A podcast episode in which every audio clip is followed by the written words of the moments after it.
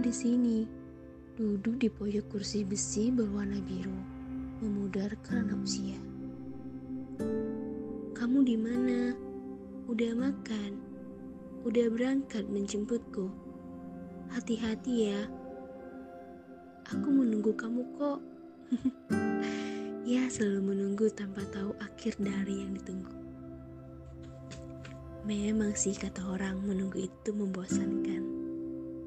Tapi jika yang ditunggu adalah hadiah terindah yang Tuhan berikan, kenapa harus bosan?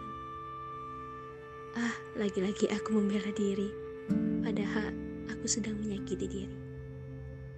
Mau gimana lagi? Yang penting aku cuma mau bilang, jaga diri baik-baik ya. Aku sehat, dan aku baik-baik saja. Walau Tuhan tak mempererat kita. Dari aku untuk waktu yang lalu.